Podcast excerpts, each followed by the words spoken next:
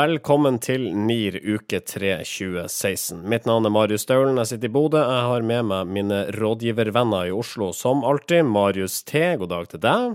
God dag. Og Sindre H, god dag til deg. Brr.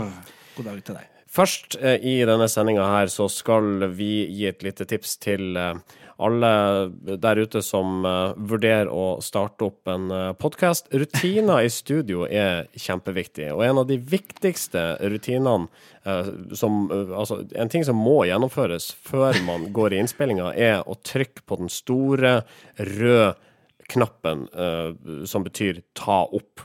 Det har da Studio Oslo ikke gjort uh, i dag, så dermed så har vi spilt inn det her segmentet så mange ganger nå at nå er jeg litt lei av å prate om det samme. Så nå må vi prate om noe annet. Ja, men det er fordi jeg er vant til at du spør meg før vi begynner Tar det opp, Marius? Eh, som en slags failsafe. Og da sier jeg nei, det gjør jeg ikke. Takk for at du minnet meg på det. Det gjorde ikke du i dag, så jeg legger den litt på deg òg. Ja, altså som sjefstekniker så burde jeg rett og slett ha sørga for uh, redundans. Ja. Uh, all den tid det er store, store sjanser for at Studio Oslo feiler. Nettopp. Ja. Men nå tar du opp, Marius. Nå tar jeg opp uh, Marius. Alright. Gjør du det, Marius? Det gjør jeg, uh, mister H. Da kan vi fortsette. Arbeiderpartisjef Jonas Gahr Støre er kåret til årets tåkeprater. Den uh, prisen er det Gelmyden Kise som står bak. Ja visst er det det. Gelmyden Kise har kåra har gitt ut de her tåkeprisene i noen år nå. De gir bort uh, prisen som årets tåkeprater til uh, en person som uh, ikke klarer å fatte seg i klarhet. og de gir bort noe som heter årets tåkelur til noen som er på helt andre enden av skalaen, som virkelig klarer å, å, å snakke klart og tydelig. Mm. og sitatet som Gahr Støre vinner på her, eller taper, kan man si, det er hypotetisk. Hvis jeg blir statsminister, skal jeg tenke gjennom det. Jeg vet at rundt slike spørsmål er det så mange spørsmål en regjering må ta stilling til og vurdere. Det er ikke noen automatikk i at man må gjøre det. Svaret kan være ja, og svaret kan være nei. Og det er jo eh, det er da fire linjer her. Det er vel fire-fem setninger hvor han da klarer å ikke si noe som helst. Og det ligner jo veldig på sånn Gro Harlem Brundtland-snakk. Hun var jo veldig Mange var glad i Gro, men eh, ikke fordi hun snakka tydelig. Ja. Eh, og spørsmålet Gahr Støre ble bedt eh, om å svare på, var om Norge ville stått sterkere mot Kina og møtt Dalai Lama under norgesbesøket i 2014. Så, ja, det, altså, det, er, det, er, jo sant at det er hypotetisk. Det er sant. Eh, I og med at eh, det ikke eksisterte, på en måte. Men, men, likevel så kunne man jo sagt eh, ja, det vil jeg, eller nei, det vil jeg ikke. Eller det vet jeg ikke. Ja, jeg har ikke peiling på hva jeg ville gjort. Eh, jeg gjør alt på impuls. Eh, det, det, det, som det som er fint med at GK gjør dette, er jo både det at eh, de gjør det til noe bra og, og være tydelig i sin tale og ha klare meninger. Samtidig er det jo også veldig relevant for dem å dele ut sånne priser, i og med at de hjelper eh, organisasjoner til å flytte makt. Og det må være tydelig i talen. Det er et ja. viktig virkemiddel for å flytte denne makten. Mm, mm. Ja, Hans Gelmund er jo kjent for å være veldig tydelig og ganske krass noen ganger. Uh, og han sier jo at uh, han mener at tåkeprat er, det er ikke bare irriterende, men det er også en fare for demokratiet. For det skaper ikke noe meningsbrytning, sier han. Han sier at uh, når noen driver med tåkeprat, så er det ikke mulig å diskutere med dem. fordi man forstår ikke hva de sier. og da kan man komme unna, som maktperson, da, så kan man komme unna med å la være å svare på en del spørsmål gjennom å tåkelegge. Ja, jeg vil faktisk anbefale å høre Hans Petter Nygaard Hansens intervju med Hans Gelmeiden i eh, podkasten Mediapuls, eh, som eh, var fornøyelig å høre på. Men husk også at Husk også hva som er originalen av podkaster her i Norge. Nei, jeg bare tulla. Nei, hør på det. Eh, absolutt. OK. Uh, Kongeparet har nå liksom styrt dette landet i 25 år, noe som har vært feira med brask og bram de siste dagene, med lange TV-programmer i beste sendetid og akebakke på Slottsplassen. Eh, men alle er ikke like imponert. Kongeparet har verdens enkleste jobb, skriver Steinar Solås Suvatne i Dagbladet. Eh, de gjør ikke annet enn å åpne ting. Nei. Ja, det er mye, mye, snorklipping, som jo Sindre er eh, veldig glad i. Eh, som de er nødt til å gjøre. Eh, og i tillegg er de nødt til å lese kjedelige taler som andre har skrevet for dem. Eh, de er nødt til å høre på andre folks eh, kjedelige taler. De er nødt til å dra på ferie og møte andre lands snorklippere. Møte regjeringa hver fredag, svare på spørsmål som er avklart på forhånd, og pusse opp Slottet. I tillegg til å ha fri, da, selvfølgelig. Ja, og ja, det høres jo ikke så ille ut, det. Og jeg må si eh, den siste uka så er jeg imponert over det PR. Eh, løpet som kongehuset har klart å få igjennom. Eh, særlig gjennom da Statskanalen, som har vært nyttig, et nyttig mikrofonstativ for uh, samtlige familiemedlemmer. Mm. Som jo har hyllet seg selv, egentlig. De hyller jo seg selv. De står jo Det er jo ganske fascinerende når de har denne her seremonien hvor de forteller hvor, hvor, bra sin egen far og bestefar er, uh, ja. og osv. Så, så det er jo en merkelig skue. Samtidig så syns jeg det her med å gjøre om Slottsplassen til akebakke og skiløyper. De er noe sånn kong Olav på trikken over det. Jo, og det er noe sånn veldig sånn Oi, plutselig er liksom kongen og dronninga og kongehuset veldig nært oss folk. da. Men det er, det er en slags sånn fin kommentar til den nye mediehverdagen. Altså sånn, I kong Olavs tid så holdt det bare å ta trikken, mm. så fikk han masse masse presse. Nå må han bygge liksom, et eventbyrå og bygge akebakke. og det, det, er ikke måte på hvor mye som skal til før du skal få noen medier til å stille opp. så det er tøffere tider også for kongehuset. Men selv i Olavs tid så uh, var det jo slik at uh, Olav trengte PR-rådgivere for å få pressen til å møte opp. Det var velregissert, dette trikkestuntet. Det var ikke slik at Dagbladet tilfeldigvis sto der. 'Å, herregud, der er Olav, jo!' Nei, de, de, visste, de visste, jo om det på forhånd, ja. uh, og fikk tatt de, de riktige bildene. Mm. Uh, sånn at det ble en, et ikonisk uh, ja, en ikonisk sak for, for Olavs ettermæle. Ja. Jeg skulle gjerne sett bildet tatt andre veien. Altså Uh, mot alle de pressefolkene som sto der og tok ja. bilder. Absolutt. Men, men, den gang så var det bare fire pressefolk. Altså, det var ikke en sånn fyr med egen blogg som var der, og en Twitter-person. Det var bare fire Det var Harald Stanghelle og tre andre. All right. Vi har snakka oss varme. Jeg sier hjertelig velkommen til NIR episode 137. Norske informasjonsrådgivere. Vixen Blog Awards gikk av stabelen fredag som var, og der ble Sofie Elise kåra til årets blogger, og jaggu meg var ikke folkets favoritt også. Eh, og harstadværingen gjør det skarpt om dagen, hun tjener masse penger får masse presse. Da står det verre til med fotballfrue, skriver Martine Lunde i Min Mote. Hun mener tronskiftet i bloggsfæren skyldes at Sofie Elise speiler samtida, mens fotballfrue fortsatt lever i en rosa, sukkersøt verden.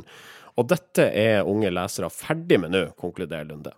Ja, eh, det er, eh, det er rett og slett eh, et behov for flere ekte mennesker der ute, i den grad man kan kalle Sofie Elise for ekte. Hun er i hvert fall eh, snakker såkalt rett fra levra, og, eh, og, det setter man jo pris på. Det er, det er litt sånn interessant kommentar fra, fra Lunde. Jeg, jeg syns jo, jo poenget hennes med at uh, fotballfrue ikke har fornyet seg nevneverdig de fire, fem, seks årene hun har holdt på, utover det å bytte navn til Caroline Berg Eriksen på, på, bloggen. Det er interessant, det er en fin observasjon, for det er klart at mye av det som var interessant den gangen, som var bare det at det var spennende å følge noen sitt liv, og gjerne noen sitt perfekte liv, det har endret seg litt. Da. Nå må du være liksom, sjokkerende for å få oppmerksomhet i, i mye større grad enn før. Altså det, det Karoline Berg Eriksen og en del andre eh, motebloggere leverer, er jo en, en, slags moteserie hvor man kan kjøpe seg inn. Det er jo en glansbildehverdag hvor man som eh, kommersiell aktør kan kjøpe seg inn i denne eh, konteksten, og så får man eksponering, og så får man eh, salg. Eh, Eh, av det. Eh, jeg er nok ikke enig i konklusjonen om at vi vil ha noe ekte. Jeg tror bare at disse motebloggerne har en begrensning fordi de er ganske endimensjonale. De har ikke så mye mer å by på enn eksponering i eh, eller på en måte Hvis du driver et yoghurtmerke eller ønsker å, å være forbundet med sunn livsstil, så er det å bruke en blogger veldig effektivt. For salget går også i, i taket. Men ønsker du uh, det som er med Sofie Elise, er jo at hun er litt uforutsigbar. Uh, og at hun har meninger, og hun skaper en del kontroverser. Altså, det er mange som har et elsk-hat-forhold til henne. Så, så, hun kan skape mye større engasjement for merkevaren din enn det Caroline Berg Eriksen eh, kan gjøre. Men jeg tror allikevel Caroline Berg Eriksen kan skape en del salg, da. Så jeg tror på ingen måte at hun er liksom på en måte at hun uh, ikke kommer til å være interessant i fremtiden. Jeg tror bare det er helt to, to veldig forskjellige segmenter. Altså, Sofie Elise eh, får utrolig mye presse fordi at hun sier veldig mye rart. Uh, ofte så, eller av og til så sier hun ting hun kanskje ikke vet uh, så veldig mye om, men hun får fortsatt presse på det. Av og til litt sånn sjokkfaktor. Sist Karoline Berg Eriksen sjokkerte, var vel da hun viste fram kroppen sin like etter fødselen, og den ungen må jo være tenåring nå. Ja, det er for sykt lenge siden. Da han, fikk hun komme på Opera eller Tyra Bank Show eller et eller annet sånt også. eh, Fordi, eller et eller annet sånt talkshow fordi hun ble body-shama. Fordi hun var altfor trent til å ha født. Eh, Men, men det er siste, ja, siste gang det var noen ordentlige kontroverser. Hva skal Caroline Berg Eriksen gjøre, eller for ikke å legge et premiss inn i, i, i dette spørsmålet, trenger Caroline Berg Eriksen å bekymre seg for at Sofie Elise er større nå? Nei, jeg tror ikke hun trenger det. Eh, Jeg vet at mange av de her motebloggerne, som er, eh, hun er en del det, av det segmentet, de tjener veldig godt. De tjener like mye penger som Sophie Elise. Eh, mange av de, selv om de ikke har så mange lesere. Men der, der er jo eh, De managerne deres er jo flinke til å brekke ned tall og, og vise liksom hvem, hva, hvem er det som leser bloggene. Eh, I tillegg så er det for eh, et, et, et fashion brand, eller et mote, moteaktør, så er det veldig trygt å bruke en eh, blogger som Karoline Berg Eriksen. For du, du er garantert at det ikke blir noe kontrovers rundt produktet ditt. Så jeg tror nok det lever godt, men, eh, men det, jeg skulle jo sett at det skjedde et eller annet Eh, det, det som kunne vært spennende, er jo på en måte om, om hun skilte seg, eller eh, på en måte mannen fikk et eh, barn med en annen kvinne osv., som gjorde at hun var nødt til å på en måte fornye seg og få frem noen Ja. Man kunne se noen nye sider ved henne. Ja. Så jeg tenker hvis man kan plante på en måte en sånn en situasjon inn i hennes eh, hverdag som eh, gjør ubehagelig, så, så, så, så hadde jeg syntes det vært spennende. i hvert fall. Ja, altså Hvis jeg hadde vært regissør i Caroline Berg Eriksens liv, så er det jo på tide med en, eh, en, et skift. Det, er nå, nå har liksom, det har vært smooth sailing. Nå må vi ha en eller annen sånn dramatisk oppbygging som da kan gi en løsning og en slags sånn slutt på filmen, som er fotballfrue the movie. Norske informasjonsrådgivere. Rema 1000 er i vinden for flere ting om dagen. Du har kanskje fått med deg at Reitan-kjeden har gått til det skritt å anmelde i alt eh, 120 konkurrerende butikker for brudd på reglene om søndagsåpne sjapper, ettersom de mener eh, at de aktuelle butikkene er større enn de 100 kvadratmeteren de kan være.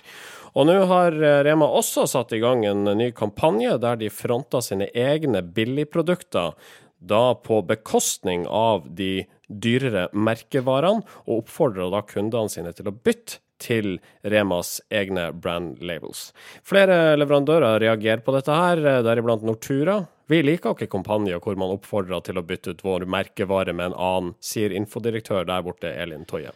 Godt sagt. Eh, Jeg forstår det, eh, at hun sier det. Eh, Og det er jo også tacoprodusenten Old El Paso får jo også se på store boards at de er fem ganger så dyre som Rema 1000 sine egne produkter. Og jeg hørte på den her dagligvarepodkasten til Rema 1000 her før jul, som, som er en sånn pilot de lagde. Det var intervju med han Ole Robert Reitan, og han skrøt veldig av Rema sine tacoprodukter, som var veldig miljøvennlige miljøvennlig osv. Kutta ut palmeolje. Så det jeg lurer på, er sånn Hva er det egentlig Rema driver med nå? Skal de egentlig Skal de virkelig konkurrere ut disse, disse merkevarene og bare selge sine egne produkter etter hvert? Eller hva, hva, er, hva er det de egentlig vil? Jeg tror det han- handler om eh, en del, en del ting. For, for det første så blir jo eh, Rema 1000 veldig nå presset av eh, billigkjedene til Norgesgruppen, f.eks. Kiwi. Eh, og også billigalternativet til Coop, eh, Coop Extra eller Marked eller Prix eller hvem av de som er billig. Eh, det vet jeg ikke. Men det, det betyr uansett det at, at de sliter sannsynligvis også med, med marginene sine. Da. Så de trenger et ganske sterkt forhandlingskort når de går inn i dagligvareforhandlingene med disse store merkevarene. Og dette er, jeg, mer en sånn demonstrasjon av at eh, hvis ikke dere gir oss bedre betingelser, så driter vi bare i dere. Da, da kjører det, presser vi dere ut. Eh, og det er klart at eh, Old El Paso og Nortura for eksempel, kommer jo til å se det eh, på salgstallene, at eh, de kommer til å gå ned i Rema 1000-butikken. Og det er ikke som om de har råd heller bare til å trekke seg helt ut av, av eh, Reitan-kjeden. Så, så det, er, liksom- det er tydelig forhandlingsutspill, sånn som jeg tolker det. Ja, det, det tror jeg du har helt rett i. Og så synes jeg Rema, jeg tror Rema får fram et poeng her også. Det er nettopp at det er ikke deres feil hvis produkt, noen produkter uh, ikke er så billig. Ikke sant? Altså at uh, de de produktene som de sammenligner med, som er deres egne produkter, de er så billige at de kan si at det er så billig vi ønsker at ting skal være, egentlig. Uh? Altså det- tacoskjell eh, som Rema 1000 reklamerer for på et board gjengitt i en sak på kampanje. Altså Tacoskjellene til Older Paso kosta 23,90, og etter hva jeg kan se et litt dårlig bilde, 560 for en pakke med Rema 1000 tacoskjell. Fem kroner! Og det er ikke bare tacoskjell, det er dinner kit, så du får med deg saus og eh, krydder også. Wow. Det er, det er lite penger. Altså, tenk på den boksen, da. Altså, oppi der er det et helt dinner kit. Jeg er over, overraska at du kan pr pr produsere en boks papp for fem kroner. Jeg ville tenkt at det var dyrere. Altså, sånn, med bilde på. Altså, det, jeg skjønner ikke Med farge, ikke sant? Ja, ja. Fargetrykk. Ja. Ja, bare det å printe en sånn der plakat du skal henge opp, koster jo masse penger. Kjempedyrt. Og de altså, klarer altså, altså Ikke nok med at de klarer å lage den der pappeska, de printer med farge, og det er veldig flott. I tillegg så, så gjør de altså kjøper mett. Det er mat inni der for 560. Det er mat inni der. Helt utrolig. Det må være kanskje verdens billigste taco. Eh, vil jeg tro. Jeg kan ikke tenke på noe annet sted hvor det er billigere enn det. Men jeg, jeg, jeg lurer litt på det her altså, med, med så sykt billig det var med mat før jul også, all sånn julematen og alt sånt. Er- Har noen funnet opp en sånn 3D-printer for mat? Et, et eller annet som ikke går opp? Altså sånn, Når surkål koster én krone Med papp. med papp og sånn der, og sånn der metallpose inni, og mat én krone. Det går ikke opp. Det går nok ikke opp. Enn så lenge. Vi skal til Bergen en tur, der en kulturkrig har funnet sin foreløpige slutt. Anine Birkeland er gründeren bak og har i årevis drevet kulturscena Bergen Kjøtt, hvor en rekke artister har hatt sine øvingslokaler, og det har vært konserter der og hurlumhei. I 2014 så fikk bygget, eh, et gammelt lagerlokale, hun leide nye eiere, og disse eierne ville da kaste ut Birkeland og kulturvirksomheten hennes for å drive noe tilsvarende sjøl.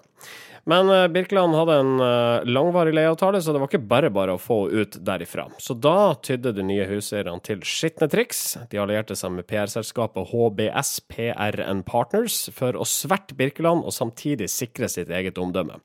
Saken har med årene blitt stygg, men er nå avgjort i Bergen tingrett. Der fikk Anine fullt medhold. Huseier og styreleder i selskapet eh, deres må ut med 450 000 kroner i erstatning, i tillegg til å måtte dekke alle saksomkostninger. Dette er jo en eh, litt sånn oppsiktsvekkende sak, fordi her har, eh, her har retten tatt i bruk argumentasjon som går på at eh, det, disse nye eierne eh, de har utvist dårlig forretningsskikk. Og dårlig forretningsskikk det, det kan f.eks. være å drive Skape negativ omtale av, eh, av konkurrenter eller, eller andre eh, som eh, kan eh, føre til eh, positive fordeler for deg selv. Mm. og dette PR-byrået som står bak dette her, må vi jo bare kommentere, for det er skikkelig røvergjeng, altså. Eh, dette er jo Håkon Ben Skrøder, som er jo eh, har alltid vært liksom en sånn herre Kjent for å være helt på kanten eh, av, det lovlige. Han eh, folierte jo den herre Blå steinen i Bergen rosa, for eksempel, som vi har snakka om for noen episoder tilbake. ja, Det var både slemt og ikke artig. Nei, eh, ikke sant. Og, og, og han, har, han, har, eh, han, han har gjort eh, mye, mye rart. Eh, og dette her, det som er interessant her, er jo at eh, retten krevde ut, å få utlevert en del e-postkorrespondanse mellom eh, PR-byrået og de eh, investorene. Og der ser du svart på hvitt at her det handler om å, å lage drittpakker og få de distribuert eh, til eh, politikere og media. Ja, la oss ta for oss eh, noe av innholdet i disse e-postene. Dette her er altså PR-byrået som foreslår at man nå skal konsentrere seg om best mulig kommunikasjon direkte inn mot interessentlandskapet. Bra, få inn noe fagterm. Parallelt med at vi med fordel kan grave fram dritt om Bekap, Bkap, altså selskapet til Birkeland, for media. Et budskap skissert, eh, som dette er skissert over, vil gi et etterlatt inntrykk av at Bergen Kjøtt, altså de nye eierne sitt selskap, har hederlige hensikter. Altså at de ikke er kyniske eiendomsspekulanter, men aktører som har et oppriktig ønske om å drive et sunt kulturforetak. Jeg, jeg- liker det at uh, 'hederlige' her står i gåsetegn. ja, det er så bra. Hederlige. Altså, men det, det, er, det, er jo, det er jo fantastisk at, at det her kommer ut. Altså, det, er- bra av, av retten uten å ha liksom, krevd dette utlevert. fordi her har man jo sett at, som Sindre sier, her er det røver på tokt. Og det er garantert, hvis vi ber om å få litt korrespondanse, så kommer vi til å få det bevist.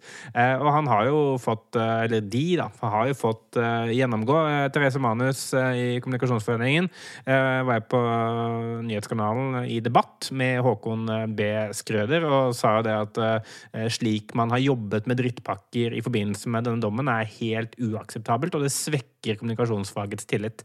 Så, og når eh, en bransjeforening eh, du selv eh, i hvert fall har delvis assosiasjoner til, går ut og sier at du og det du gjør, svekker tilliten til hele faget, da ville jeg vurdert å kanskje endre ting, da. ja. Um, tommel opp eller tommel ned for uh, dette PR-selskapet og de nye eierne av uh, kjøttfabrikken i Bergen, skal jeg til å si. Ned. Norske informasjonsrådgivere. Google risikerer å bli en annenrangs søkemotor over natta. Det skriver Even Aas Eng i Venture Factory i et innlegg på kampanje denne uka.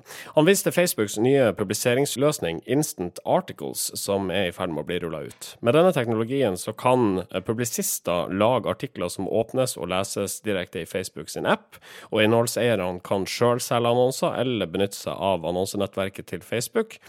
Og dette er ikke fullt så bra for uh, Google, for hva skjer når mer innhold blir publisert der? Jo, mer Facebook-innhold blir indeksert av Google. Men hva skjer så om Facebook en dag bestemmer seg for å nekte Google å indeksere innholdet deres? Og jeg lar den henge i lufta. Det er, det, det er liksom uh, Even Aaseng også beskriver det. Det er jo nå blitt et, en evighetsmaskin. Fordi uh, etter hvert som uh, stadig flere publisister og merkevarer publiserer sitt innhold på Facebook framfor eksterne nettsider, så blir da merkevarene avhengig av å drive trafikk inn til disse plattformene på Facebook. Som betyr det at Facebook da har kunder som betaler for å drive trafikk til Facebook, og den trafikken selger Facebook igjen annonser på som betyr at de tjener penger på at andre bruker penger på å drive folk inn til noe de allerede har betalt for. Eh, som er helt er sånn, det er absurd, og det går nesten i gang. Og de virker jo bare ustoppelige. Altså, det virker jo, Nå er det ingen vei tilbake. Nå må vi bare bli altså Facebook blir alt. Eh, det tror jeg kommer til å være ganske sikkert. Eh, I hvert fall Jeg kan ikke skjønne hvorfor man skal ha noe annet. Jeg, jeg, jeg tror jeg på en måte aldri har sett liksom mer klart for meg Mark Zuckerberg som en puppet master. Da. Altså Facebook er på en måte det store akvariet der vi alle lever og ånder hver dag, og der alle bare hopper inn og tar med seg flere og flere eiendeler inn i Facebook, og snart så er det ingenting utenfor. Det er liksom det bildet jeg får for meg. Jeg fikk en henvendelse av en gammel nabo, faktisk, fra fra der jeg vokste opp, eh, som sa, som sa dette må dere snakke om. Dette Even, Even Aaseng eh, eh, påsto. Men han sa at han tror ikke på dette her, at folk vil eh, velge Facebook i så stor grad. Og han tror eh, at det er bare virale nettsteder og rosabloggere som vil bruke Facebook på den måten. Men altså, eh, Facebook Det er greit at altså, man sier at alle en gang publiserer alt sitt innhold dit. Men da bør jo jaggu meg Facebook gjøre et eller annet med søkemotoren. Hva skjedde med den superintelligente søkemotoren som skulle bli rulla ut? Det går jo ikke an å søke på sitater fra en avissak du husker du leste for en uke siden, f.eks. Nei, det går fortsatt ikke an. Det er jo fortsatt ikke en bra søkemotor. Nei. Uh, Nei, den, den Graph er... Search, som de snakka om for Det er flere år siden de snakka om hvor bra ja, det skulle bli. Kjempelenge siden. Ja, nei, det, det, det er ræva. Og, og, og, så er det jo i tillegg eh, et problem som, eh, som vi eh, i Aftenposten merker litt. Og det, det, er jo det der at eh, Facebook er en veldig mye mer konservativ redaktør enn eh, en de fleste norske mediehusredaktører. Mm. Eh, det er en del innhold som blir blokkert fra Facebook, som ikke får lov å poste der og ikke får lov å promotere der, fordi det inneholder enten nakenhet eller iallfall sånn tendenser til nakenhet, eller innholdet. sånn saker om uh, nazister, f.eks. Helt vanlig TV2-innhold, med andre ord. Ja, sånn, det, mesteparten av TV2.no sliter jo, ikke sant. Mm. Uh, men, men, i tillegg også saker som opptar, tar opp kontroversielle temaer. Og det syns jeg blir veldig interessant på sikt. da. Altså Hvis man gjør seg så avhengig av Facebook at man er avhengig av de godkjenner innholdet ditt for at innholdet skal bli lest, uh, da setter du deg selv i en litt sånn ekkel situasjon, fordi du plutselig blir eh, du har en redaktør som er en amerikansk merke, merkevaregigant som er avhengig av å please sine investorer igjen. For, eh, og, det betyr at de vil ha minst mulig kontroversielle ting der. Ja. Facebook kan uh, ta rotta på Google over natta, argumenterer Evenås Eng for. Vi har i hvert fall funnet to argumenter mot her. Det ene er det at man da får Facebook, eh, som i realiteten er redaktør for en rekke utgivere, og så har man det der søkemotorargumentet. Altså det er en elendig søkemotor, og der er Google veldig god i dag. Så det får være de to Altså det får være hjemmeleksa da til Facebook hvis dere har lyst til å velte Google. Ja.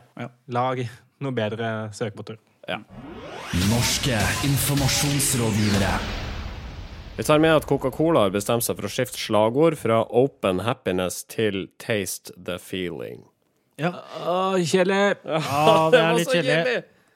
Det er jo eh, første gang på sju år de, de bytter, bytter eh, strategi på dette. her. Det er en som heter Marcos de Quinto, som eh, sier rett ut at han mener, eh, mener vel Coca-Cola har blitt litt for pretensiøse og litt for sånn redde verden-aktig. Men nå skal vi snakke mer om produktet og, litt mer, gå litt mer back to basic. Da. For det er ikke noe tvil om at eh, de siste åra har- det vært mye kampanjer som Cola har gjort, som er veldig sånn der eh, Vi vi skal skape fred mellom eh, Pakistan og India. eh, ikke sant? Vi, altså, vi, de ta, har tatt på seg en veldig sånn eh, Nesten sånn FN-rolle, da, eh, innimellom. Jeg, jeg mener at, at nesten alt det eneste Coca-Cola trenger å gjøre, er bare lage filmer med lyden av sånn isbiter i, glass og brus. Ja, og sånn eh, skranglende isbiter. Da får jeg lyst på cola, liksom. Altså, det holder eh, masse i Ja da, det holder, Sindre!